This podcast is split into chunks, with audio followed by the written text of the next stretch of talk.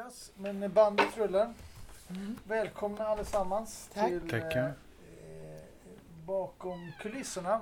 Eh, och det, idag har vi torsdagen den 3 augusti 2023. Mm. Stämmer det? Mm. Ja. Ja, alltså jag inte, ja, det var jättebra. Eh, och eh, veckans tema är övergivenhet. Och övergivenhet det eh, är ju mycket personligt. Mm. Eh, och eh, runt vårt bord här idag så, så har vi Julia, Mm. välkommen. Tack. Eh, vi har Roger, Ja, hej, välkommen. tack. Vi har Mattias, Hej hej. välkommen. Tack. Pelle, Tack. välkommen. Och Rosmarie, välkommen. Tack. Och Martin, Tack. Det var en konstigt att jag- har jag sagt fel namn men det var rätt. Ja, det var, eh, och, och Göran, välkommen. Tack så mycket. Yes. Och jag som är moderator heter Buster. Och här kommer Peter in. Vill, vill du vara med Peter? Eh, ja, jag tänkte jag var med. Ja. Men, Så här har vi en, en joker i spelet som kommer in. Som heter Peter. Välkommen in i spelet. Tackar. Du vet vad eh, temat är idag? Nej, det vet jag inte. Ja. Övergivenhet. Övergivenhet. Ja. Att känna sig övergiven eller? Ja, det kan det vara. Mm. Eh, och som sagt, som jag började med att säga att övergivenhet kan ju vara ganska personligt utefter vad man, ens egna upplevelser. Eh, jag tänkte vi, eh, de som vill, eh, vi går bordet runt där alla kan kanske göra någon personlig reflektion kring övergivenhet. Och vi börjar med Julia, om du vill säga Mm. någonting? Ja, jag tycker det är ett ganska tungt ord. Så att jag eh, skulle vilja säga att jag försöker att inte tänka att man skulle bli alltså vara övergiven. Men det är klart, ibland kan man ju känna sig övergiven. Jag kan känna mig övergiven när min bror åker iväg. Eh, jag hade en mamma en gång i tiden, jag hade en pappa. Och vi har alltid varit så tajta. Och eh, när han åker så känner jag en viss övergivenhet. Han har bott i Italien sju år så att eh, visst när han bodde där kände jag mig inte så. Då hade jag mamma. Men nu när jag inte har henne längre så kan man känna sig lite övergiven. Men det är ingenting jag tänker mycket på utan jag eh, lever i nuet och känner tilltro till Gud och liksom tycker livet är bra. Jag känner mig inte övergiven helt enkelt. När vi spånade lite på eh, övergivenhet eh, och gjorde lite research, då var du med. Eh, Mm. Och då, då pratade vi lite och, och du, eh, eh, eh, där vi kom fram till att du var ganska positiv egentligen. Att du, Ja. du kände dig hemskt lite övergiven egentligen. Ja, alltså Ja. även om föräldrarna har dött så känner jag mig inte övergiven. Nej. För det, det, det är som det ska vara, antar jag. Guds vilja. Och då får man hantera det. Och, Vi, vi pratade lite om eh, din gudstro. mm. Ehm, vad har du för tankar där kring övergivenhet kontra eh, gudstro? Jag tror man kan känna en viss, eh, ett lugn om man har en gudstro. Alltså för att då finns det någon som vakar över en på något sätt. Det tror jag också änglar gör, det tror jag också föräldrarna gör. Jag känner mina föräldrar någonstans. Eh, De finns med helt enkelt. Och de finns med i tankarna, de finns med i hjärtat och, och så. Och sen har jag väldigt, alltså meditation och yoga hjälper mig väldigt mycket när det gäller ensamheten. Känner jag mig ensam så gör jag lite meditation och då känner jag mig inte ensam längre. Det är ett möte med mig själv. Ja. Så det hjälper mig väldigt mycket. Tack Julia. Mm. Roger, har du för tankar kring eh, övergivenhet? Jag känner mig ju konstant övergiven. Mer eller mindre. Alltså, inte så, men det är ju det alltså, att man, jag kan ju hantera det. Jag att jag, jag hanterar det genom att eh, jag bryr mig om andra människor och då kan jag inte tänka på min egen situation. Därför att jag har annat för mig. Alltså jag, har inte, jag kan inte göra båda sakerna samtidigt. Så det är en bra sak och, och eh, trick att ta till. Alltså om man tänker på andra människor lite så, eh, så, blir man inte så, så känner man inte sig så övergiven. Alltså det, man hanterar det på ett bra sätt. Så är det. Och sen har vi ju vi har ju faktiskt eh, fontänhuset. Tänkte jag också. Som, eh, vi pratar inte det men, men eh, fontänhuset eh, eh, kan ju vara en, en, en, en, en, en hjälp till övergivenhet Mm. också. Mycket. Mm. Vad, vad tänkte du Peter? Jag tänkte ställa en fråga. Men eh, om du är här på fontänen, s- eh, sträcker du ut? Eller försöker du nå ut till någon? Och, Ja, Alltså- hela tiden. jaså? Jag är kontaktsökande. Är du det? För att... Ja. Eh, här är jag. Hallå?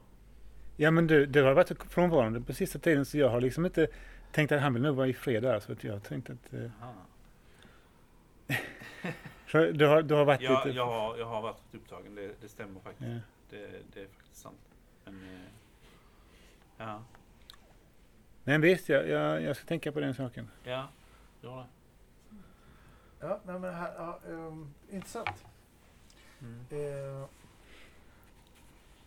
och eh, där kan det just, där man kanske ser att man tolkar, ser övergivenheten på, på olika sätt. Eh, där, det, det var också, vi, vi, när du sa det så, så är, om, om, att känna sig övergiven utan att vara det eller att vara övergiven utan att känna det. Mm. Så, där, så där, där tänkte jag på det nu när ni pratade med varandra. Ja. Så att, eh, man kan ju tolka det och känna det på olika sätt. Mm. Eh, ska vi fortsätta med Mattias? Ja. Vad, vad, vad, vad, vad känner du kring eh, övergivenhet? Jag har skrivit en egen liten text om övergivenhet och Gud och Ja. fortsätta med hennes spår där. Spännande. Ja, läser den. Yes. I denna stressfyllda och ofta förvirrande värld kan det vara lätt att känna sig övergiven. Särskilt när det kommer till vår andliga resa. Vissa individer upplever till och med en djupgående transformation från tro till ateism med en känsla av övergivenhet från Gud som en viktig drivkraft. Att känna sig övergiven av Gud är en djupt personlig och ofta smärtsam upplevelse. Individer som genomgår genomgår denna process kan känna sig isolerad, vilse och full av tvivel. Att gå ifrån att känna sig trygg i Guds kärleksomfamning till övergivande av Gud är, är helt enkelt en stor kontrast som är svår att navigera. Man kanske börjar tveka på grund av personliga tragedier som händer runt omkring sig och tveka om det är Guds allgoda vilja. Den moderna världen med dess snabba tekniska framsteg och ökande sekularism, sekularism kan också bidra till känslan av Guds frånvaro. Religion och tro kan ibland tyckas vara i bakgrunden ersatt av vetenskap och rationellt tänkande. Denna skiftning kan lämna individer som kämpar för att hitta Guds plats i deras liv. Att känna sig övergiven av Gud och övergång från tro till ateism är en djupt, perso- är djupt personlig resor som varje individ måste navigera på sitt eget sätt. Själv har jag genomgått en personlig andlig resa fylld av mycket tvivel. En process av ifrågasättande som dock gjorde mig till en starkare individ idag oavsett känslan av övergivenhet från Gud. Oavsett vad var startpunkten, startpunkten till en mer egen typ av andlighet i form av självupptäckt. Spännande och välskrivet tycker jag. Eh, eh, det, det, det är ganska intressant för vi, vi, vi pratade lite om, om Guds ås- åskådning Mm. och eh, där, där du sa vad, vad, vad, vad du kände. Mm. Och där, där kan man ju gott eh, tänka sig, eh, om man nu pratar om övergivenhet, Mm. att det kanske finns folk som kanske känner sig övergivna av samhället eller av Gud. Man tappar tron. Ja, men precis. Vad har ni för tankar kring det? Vi, eh, vi, vi, vi, vi jag tyckte det var så intressant. Vi stannar lite kring det ämnet innan vi fortsätter sen med, med Pelle om det är okej. Eh, vad, vad, vad, har ni för tankar där kring övergivenhet kontra Gud eller eh, Jag, eh, samhället? jag eh, känner mig övergiven också av Gud ofta. Eh, jag vet att det här är många som inte tror på honom. Så, men alltså, jag tror på att han finns. Och eh, till och med Jesus kände sig övergiven av Gud vid ett tillfälle. Ja. När han hängde på korset och han sa Varför har du övergivit mig min Gud? Eller så, och så slog blixten ner och sen så dog han. Så alla kan känna sig övergivna av Gud också. Alltså det, det, det tror jag är ganska mänskligt. Ja. Om han kunde göra det så kan väl, så kan väl jag också göra det. Så att Ja. säga. Men hur, hur känner du dig övergiven av Gud? För det började med att du kunde känna dig övergiven. Så jag får, mm. Ja men alltså, det, det är det att eh, han, han gör allting i sin tid. Mm, mm, Och hans tid är inte min tid, eller min tid är inte hans tid. mm, Och, och han, jag, vill, jag vill ha sakerna nu, här och mm, nu. mm. Medan han då tänker i det långa loppet, kanske till och med i eftervärlden och så liksom. Eh, Ja så- men då tänker jag mer det handlar om ditt tålamod. Du har inte tålamod att vän- vänta in när Guds tid är. Så nej, nej, tänker men jag. så är det ju. Det jag kan man också också. se det som. Mm. Men man kan också se det som att man känner sig lite övergiven. Okej, du känner Mattias så. eh, Mm. vill komma Det in jag tycker är intressant är om man kan se Guds tecken i tillvaron. Vad innebär Guds tecken? Jag läser Bibeln och tror att det, liksom, det handlar om mig, att jag är kallad Ja. till den här tron. Och efter det ser jag Guds tecken i tillvaron. Alltså, är det verkligen så? Liksom? Eller, är det, eller är man övergiven i sin egen subjektivitet? Liksom, alltså, fattar menar? Av Och de då kan många tappa tron och gå till ateism för de ser inte tecken liksom i tillvaron. Yes. Några andra tankar kring detta? Ska vi gå vidare? Jag tror det handlar om tålamod. Ja, det tror Som jag sa också. innan. Ja. Men det är vad jag tror. Ja. Ja. Och hitta meningen med livet. Mm. tror jag är viktigt. Mm. En av de finaste tvivlen tycker jag, det, det är den här Kristina och du målar. Varför, eh, varför lämnar du mig? Ja, Du måste finnas. ja, du måste finnas. Ja, den, den är ganska fin. Ja. Ja. Eh, Det är till Gud. Så nu är vi inne på del två på övergivenhet. Och eh, Mattias, vad har du för tankar kring det? Kring övergivenhet? Per. Pelle. Per? Pelle. Vi vi tar, vi tar, tar tillbaks. Ja, alltså Nej, jag vänta, vänta, vi tar eh, eh, Pelle. Per. Pelle. Men du sa ju, du kan kallas för Pelle va? Ja, det är han som gör Ja, för att vi har ju en Per här redan så blir det enklare. Ja, Liksom. men, vad- men vad ska vi säga, Pelle eller Per? Ja, jag är mest van vid Per. Ja, Jag tycker Per. Pelle, det låter inte som jag. Okej. Eh, eh, per, vad har du för tankar kring övergivenhet? Att jag har stor erfarenhet av det. Jag har blivit övergiven av mina syskon och vänner, släkten.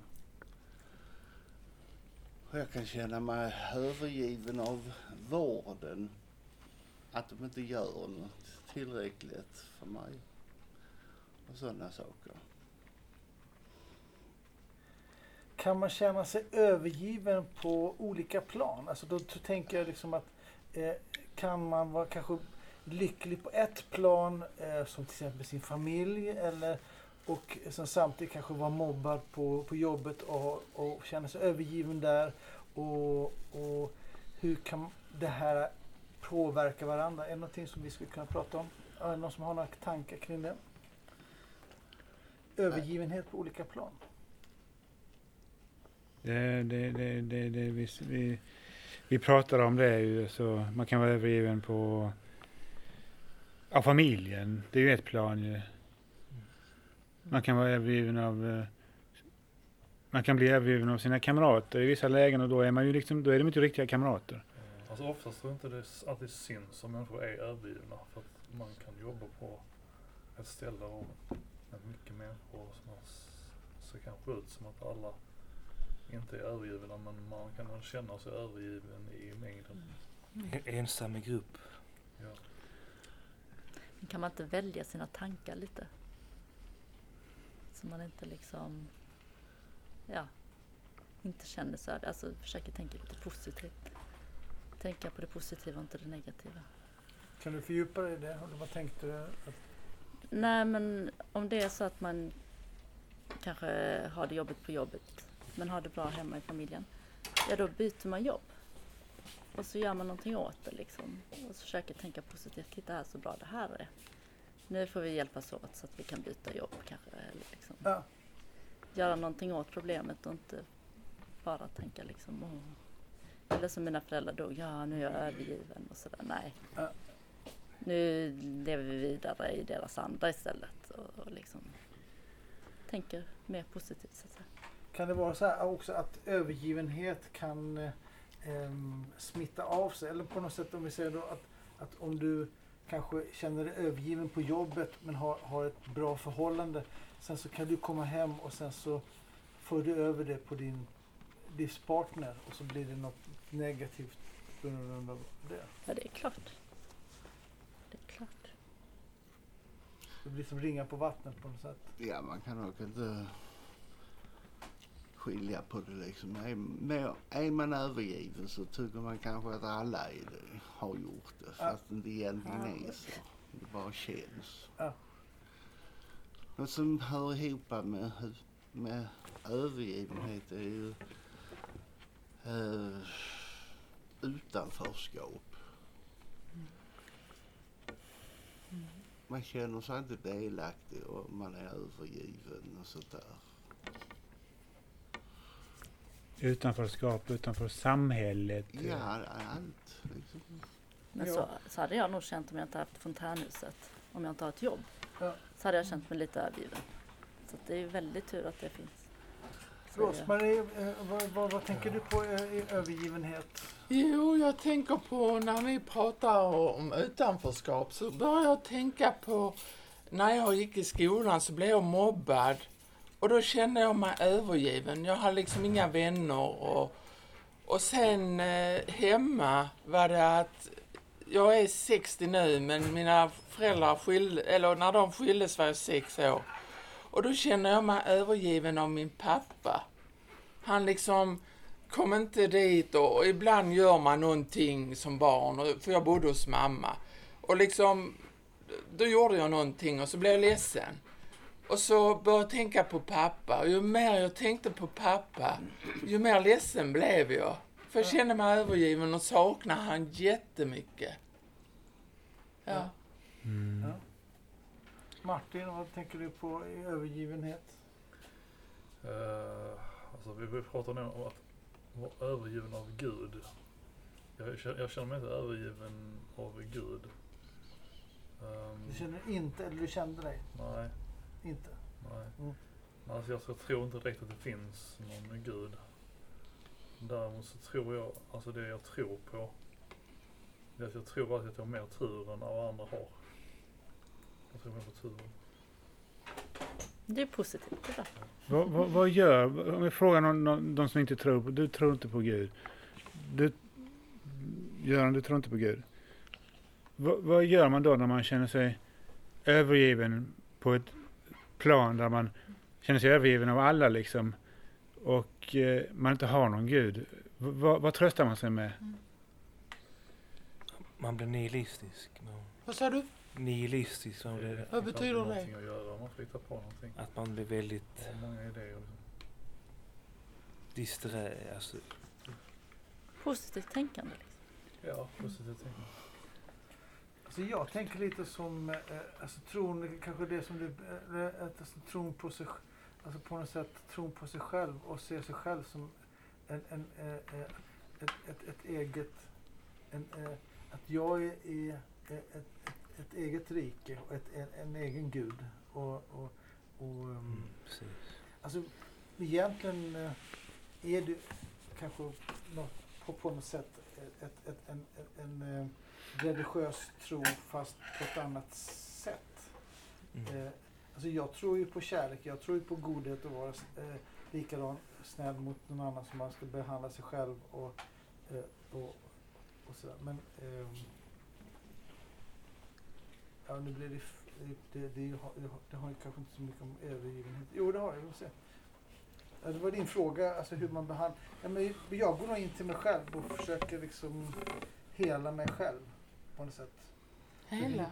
Jag försöker hitta mig själv. Mhm. Alltså om jag mår dåligt Mhm. eh, så, så, så försöker jag nog lösa det själv på något sätt. Okej. Ja. Mm. Mm.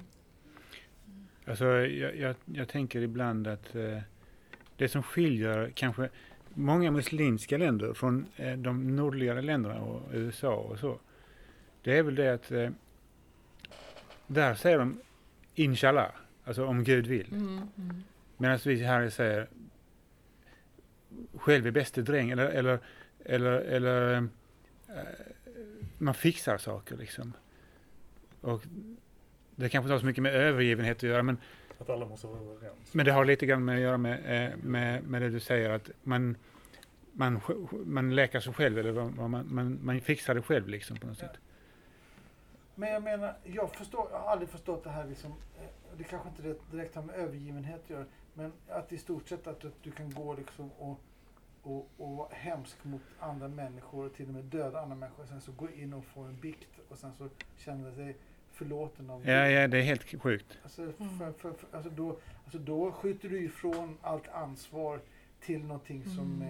är, är något abstrakt till att, det, att du fråntar ditt eget egenansvar. Liksom. Men jag tror ju också att de hade gjort samma saker, eh, eh, dödat även om de inte hade varit troende så att säga. Men de hade bara inte gått och biktat sig. Nej. De hade bara helt enkelt gått och tagit en öl och sen snackat om det med sin kompis och sen så hade det varit okej Men du får ju ditt fängelsestraff ändå så det är inte så att du om man blir tagen. Om, om du blir tagen ja.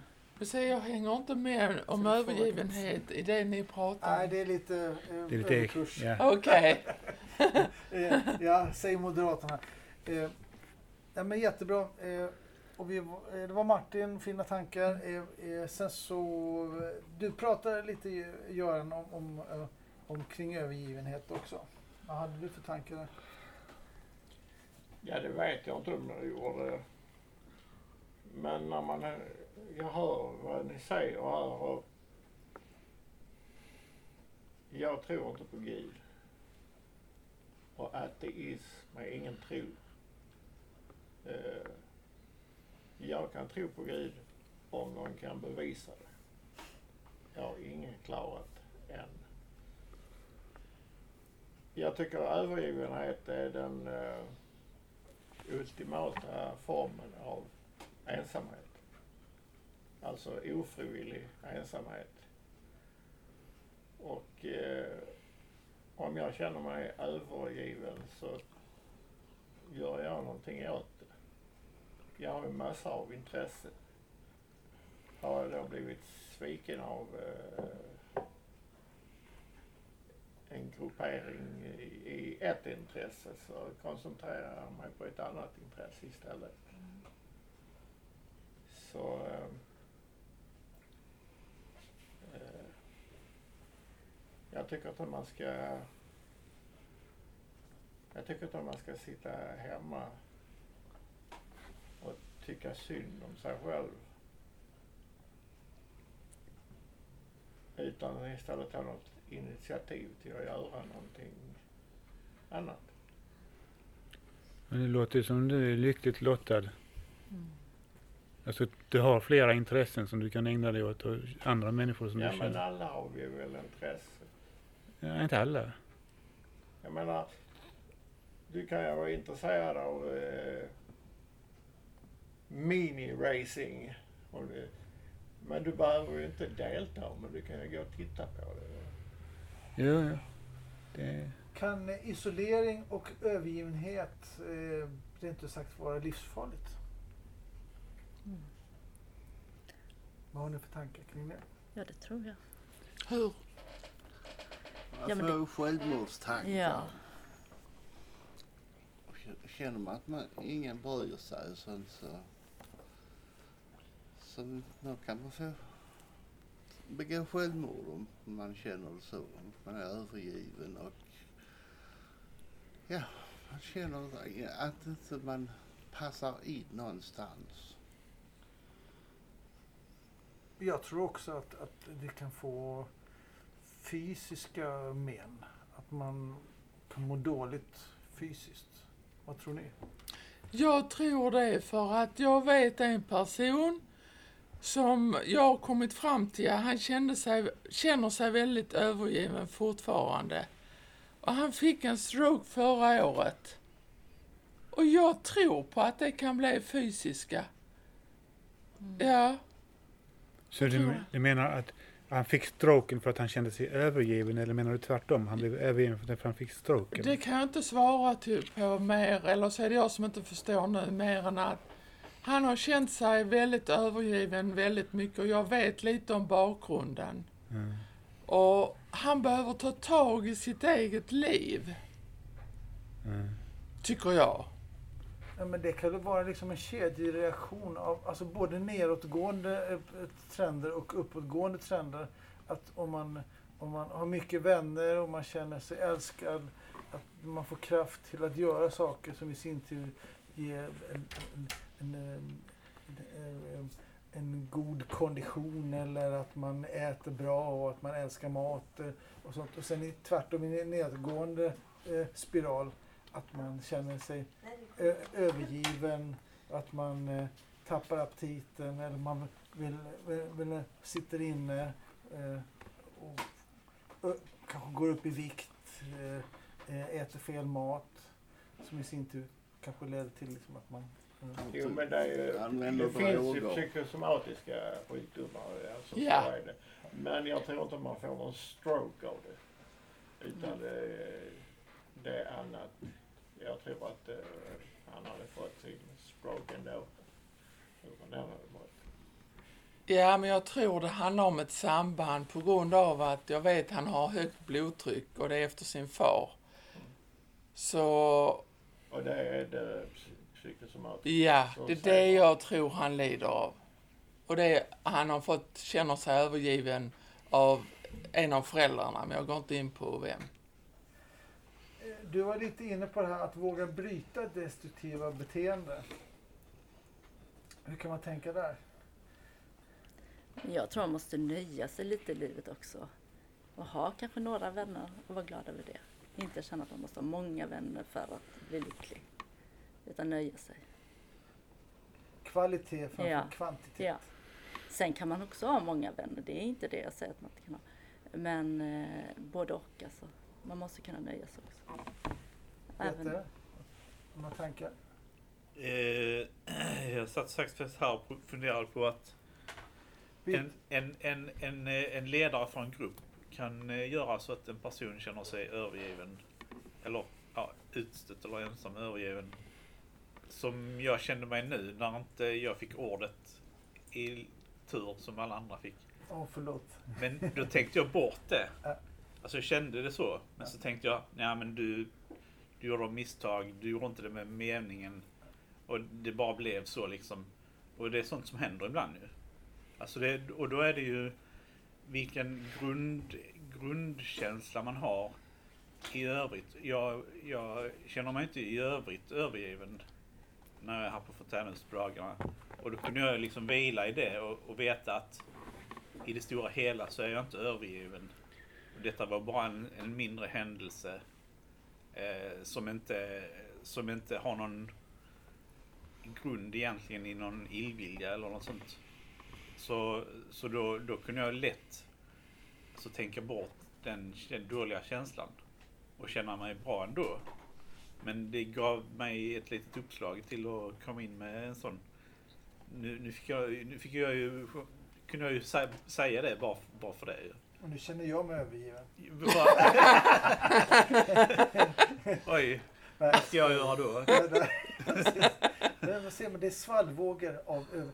Men jag känner igen mig i det. Jag, jag, jag, jag tycker faktiskt du ser lite ledsen ut nu. Nej, men det gör jag inte. Nej. Jag har ögoninflammation. Så att Jaha. Okej. ja, det ser det ser hemskt ut. Ja. Ja, ja, ja. Ja, fan, det är ju oerhört smittsamt. Ja, men nu ska vi prata om övergivenhet. Ja, men- men vad gör du här? Ska du... Nej, men alltså det är, Sprida. men det Kan är ingen... inte- Det, det är Kan inte vara ögon- hemma så Nej, för men det är ingen ögoninflammation utan det är en... Det är en, en Är det en kvissla eller ja, precis. Typ. knast? Eh, Men jag känner igen mig i det Peter säger. Alltså, om man kan hantera det. Det är ju det optimala och det hoppas man att de, att de flesta kan. Men alla kan inte det. Men jag känner igen det i det han säger. Att, att man liksom man har någon slags eh, grund eh, självförtroende som gör att man kan att, inte, att man inte grottar ner sig i de här övergivenhetskänslorna totalt Mm. och blir självmordsbenägen eller något sånt där. Ja. Det, det, det känner jag igen mig i. Så det Ja. är, Ja. Men om vi for, fortsätter just att prata om att, hur, hur, att bryta den här destruktiva beteenden. Mm. Och sen också, alltså för att vi ska jämna ut det sen så att det blir jämnt så ska du få komma tillbaks och berätta om din, vad du ser på övergivenhet sen. När vi har gått den här rundan. ja, tack.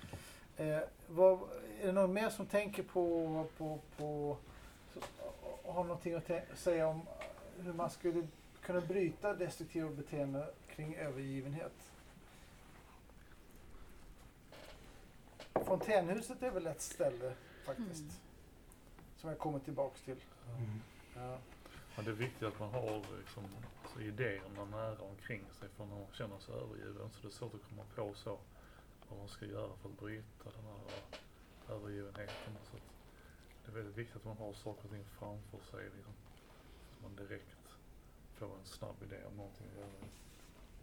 Ja. Jag går till yogan. Om jag känner mig ensam.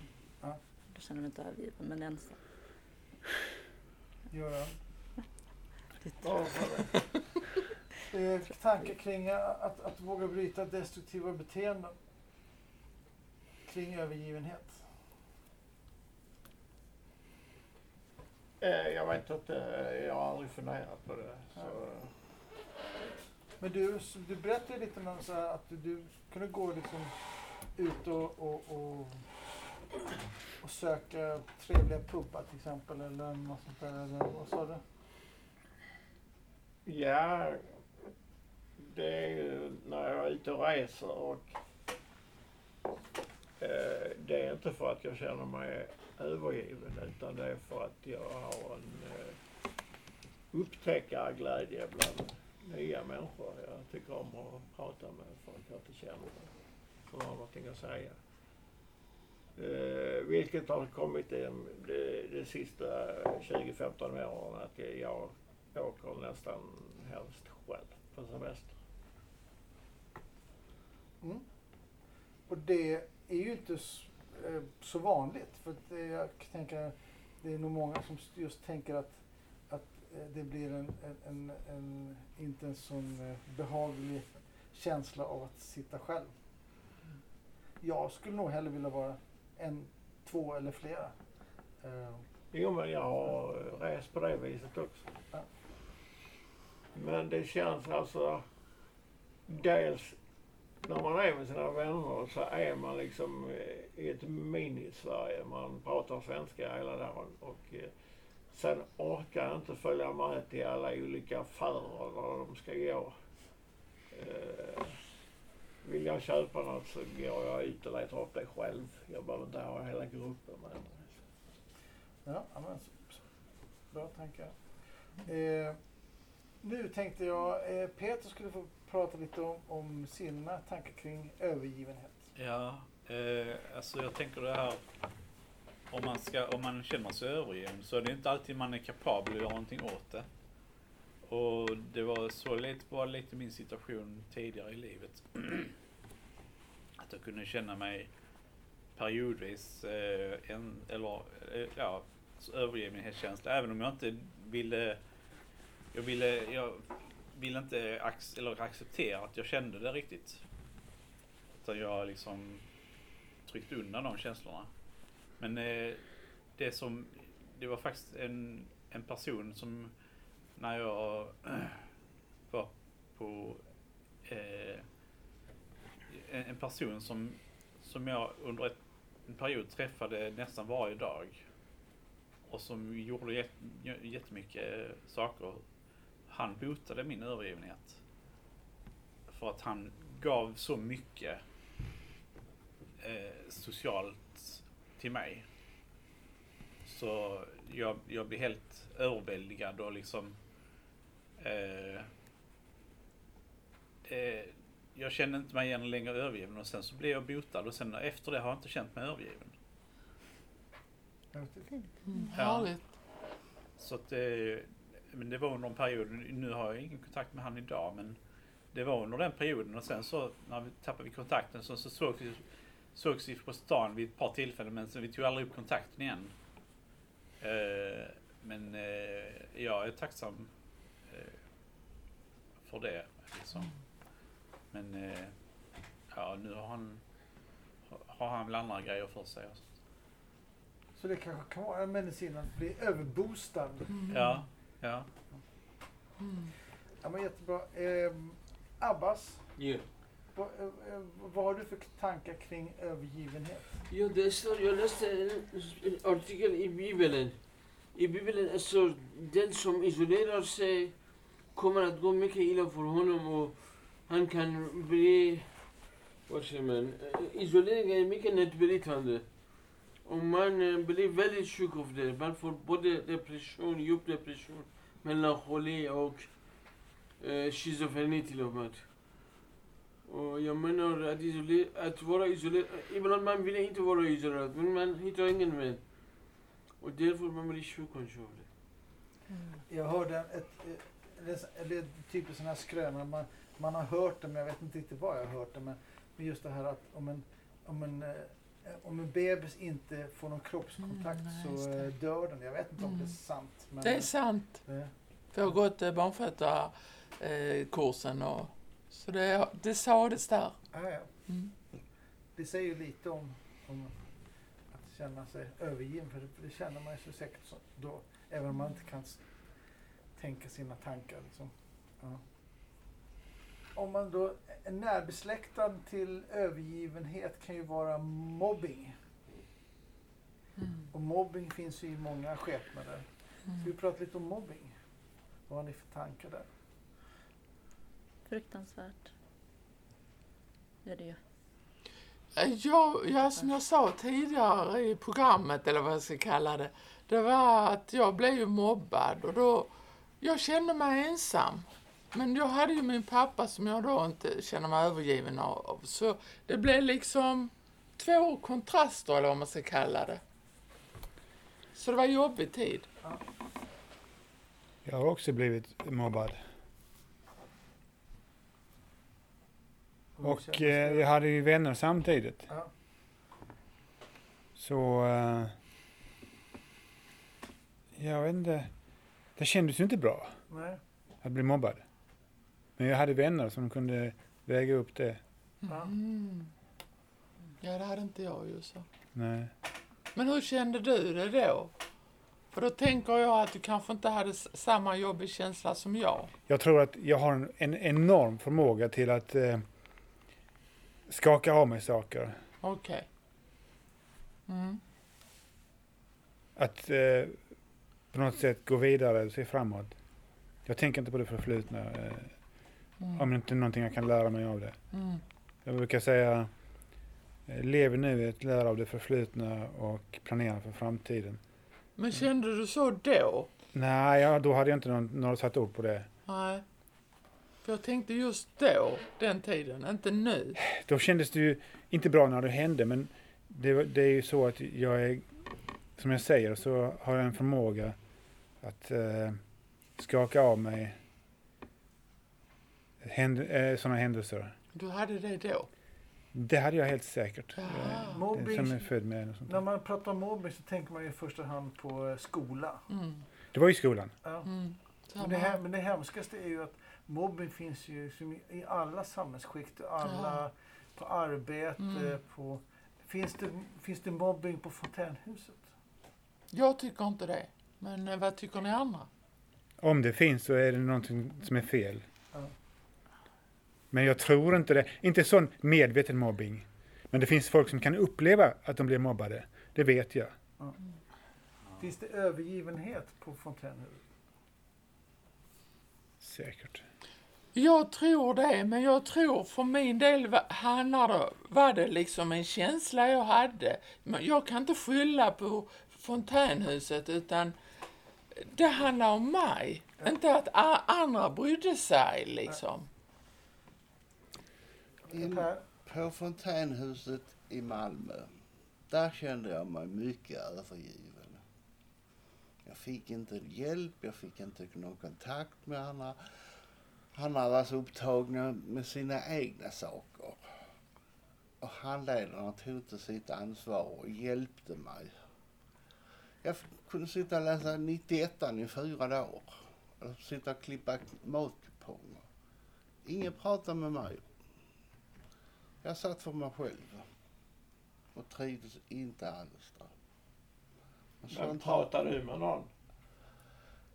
Ja, det var ute på, på rökrutorna eller vad man ska säga. Då kunde man byta några ord med någon men, men det var bara sånt ytligt snack. Liksom. Snack om väder och sådana saker.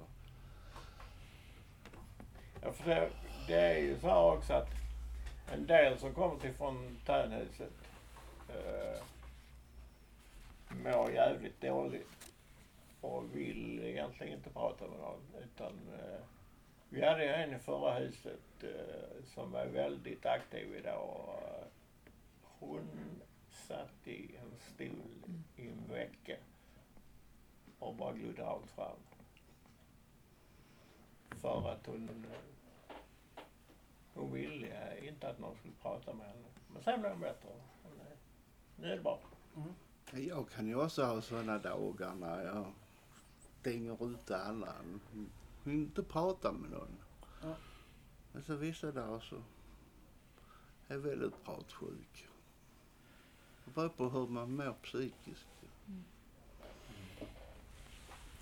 Känner du dig välkommen här? Ja, med en gång.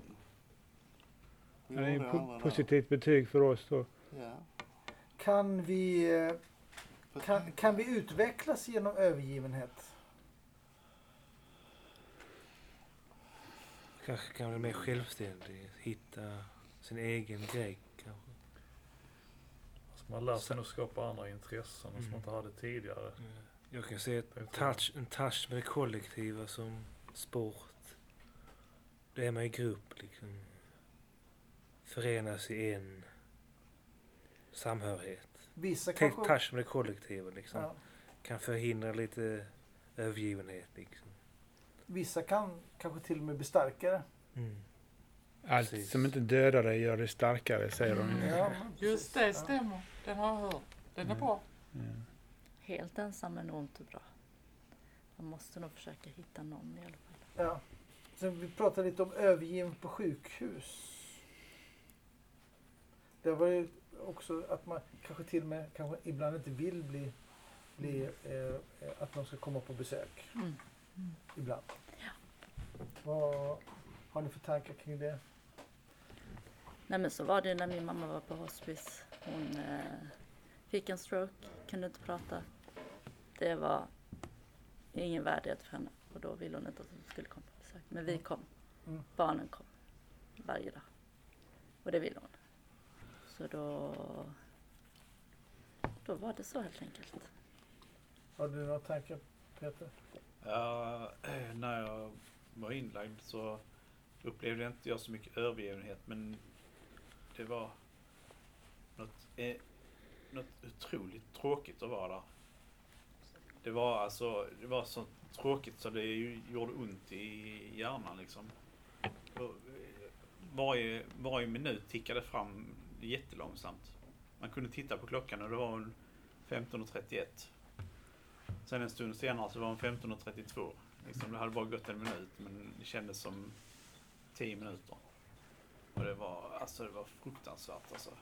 Eh, jag, jag försökte att ligga ute och sola men även tiden ute i solen gick jättelångsamt. Och jag, jag gick och la mig i sängen och försökte ligga, liksom vila bort tid och gjorde alla möjliga saker men det var Alltså det hände ingenting där alltså. Det ingenting hände överhuvudtaget. Förutom att äta. Och det gick ju rätt snabbt att äta lunch. Och sen, sen var det ju... Så bara väntar man på att det skulle bli fika kanske. För att det skulle hända någonting överhuvudtaget. Nej, det var, det var fruktansvärt. Men, eh, men eh, jag kände inte, kände inte mig övergiven ändå faktiskt. Det, det slog inte på det sättet. Så det är inte, det är inte, det, det, det är inte alltid att det slår ut i övergivenhet. Det kan ju slå ut i andra, andra negativa känslor också. Alltså om man upplever ensamhet och meningslöshet. Alltså man inte har någon meningsfull sysselsättning och inte några meningsfulla eh, sociala kontakter.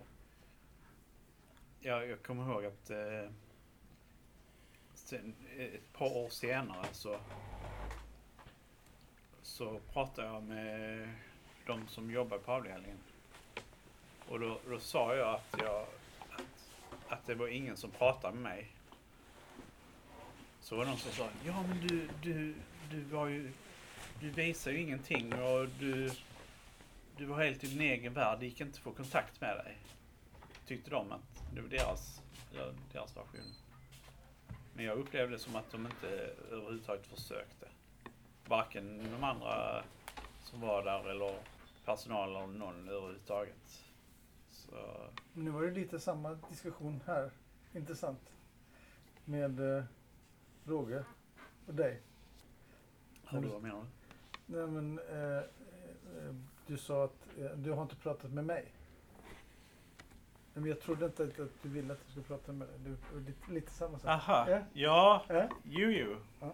Precis ja. Ja men alltså när man, man, man kan vara på ena sidan eller andra sidan. Alltså, jag, jag tänker, tänker inte utveckla det här med dig Roger, för jag vet inte hur mycket du vill, Ja, men det är okej för mig. Jag, vill säga. jag är tålig, så du kan säga, nu- säga vad du känner- tänker. Ja, okej. Eh, nej, för att jag, jag har upplevt det lite som att om man träffar dig här i korridoren Mm. så möter man dig och så säger man hej och så vänder man sig mot dig och så säger du hej och så går du vidare liksom. Ja. Och då, då känns det lite som att, att, att, att du har valt att inte prata då liksom. Då, just, just i det läget kanske jag hade några minuter över. Till exempel. Jag upplever det som att du har öppnat upp dig lite på sistone. Aha. Men, men innan dess så, så, så du undan med blicken och man fick inte tillfälle att haffa dig från att samtala. Va? För att du, du, du, var, du, du såg så upptagen ut med dig själv och det du höll på med. Och du tittade inte på mig och så här. Liksom, så här liksom. Jag Oj. tyckte att det var, tyckte det var svårt. Va? Det var Men nu, nu så här när, när, när så okej, jag ska tänka på saken. Men det kan, det, det kan nog bero på att jag har haft väldigt mycket med det här Run for Mental Health över mig Ja. de senaste månaderna. Det kanske har avspeglat sig Det är säkert så. omedvetet på mig alltså. Jag Jag, tror ska det. faktiskt berätta om en liknande sak. Eh, För, när jag, eh, eh, för många år sedan när jag, spe, jag spelade jättemycket ute på, s- och var uppe på scen. Då, då, då, eh, då var det någon som sa att Nej, men alltså jag kände så här att när, när jag spelade så kunde jag spela men sen när jag slutat och sen så gick igenom publiken så eh, var jag ganska blyg. Ja. Så, och, jag- och så tittade jag oftast ner och då, och, och då blev det så att det, det blev ett rykte liksom bland andra att de tyckte att jag var hemskt dryg.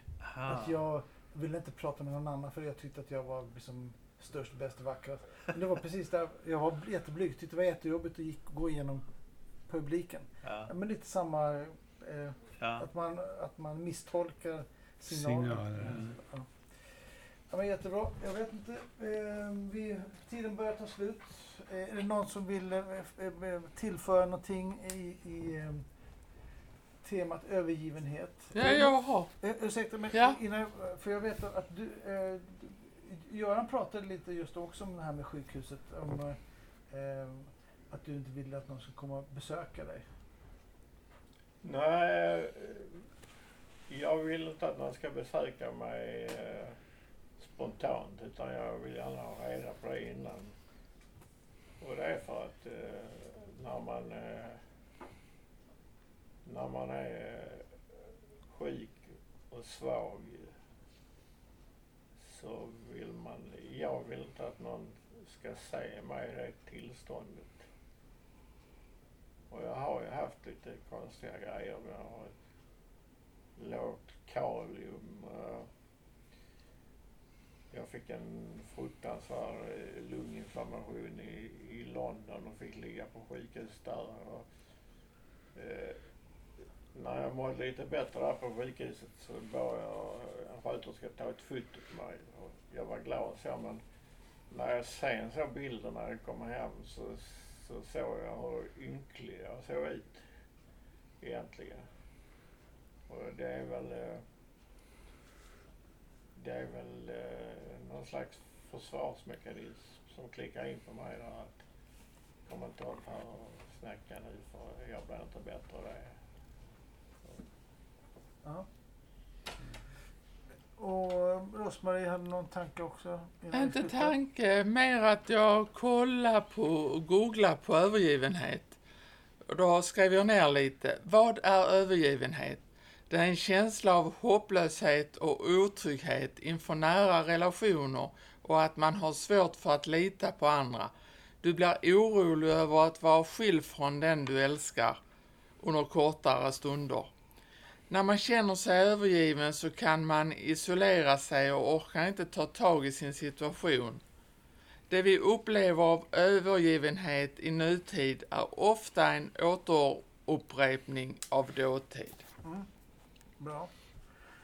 Eh, Martin, någon sluttanke kring övergivenhet? Ja, men det, är så det som jag tycker är trist är övergivna hus. Mm. Som ser trist ut. Alltså, färgen avskar och så här, där ingen bryr sig och folk inte har intresse. Det är så här första intrycket. Det gör mig lite, en, lite, lite nedstående. Ja. Mattias? Jag tänker i framtida samhällen kanske AI kan hjälpa övergivenhet. Att man stimuli och push av något som omkring en liksom stimuli som kan bota övergivenhet lite kanske i framtiden. Just det, ja. Mm. Till exempel sam- social sammanhang med Mm. virtual reality.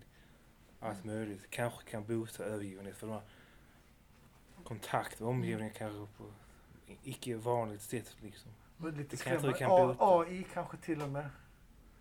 Bli övergiven. Ja. Lite får, så tänkt ibland. att vi får ja. Abbas? Något? För hundra år sedan man kände varandra när man, man var grannar kände varandra och umgås mycket med varandra. Men sedan TV kom, man sitter mest hemma och tittar på TV. Mm. Och därför isolerar sig Mm. genom bara, bara att titta på TV. Och ännu värre med telefonen kanske. Ja, I. Sverige det är mycket isolering Mm. på grund av att grannar umgås inte alls med varandra. Det är mycket konstigt. Ja. Ja. Men i Italien, i Iran, i Irak, i alla varmare länder, folk går oftare ute och träffar Mm. varandra. Mm. Det stämmer säkert.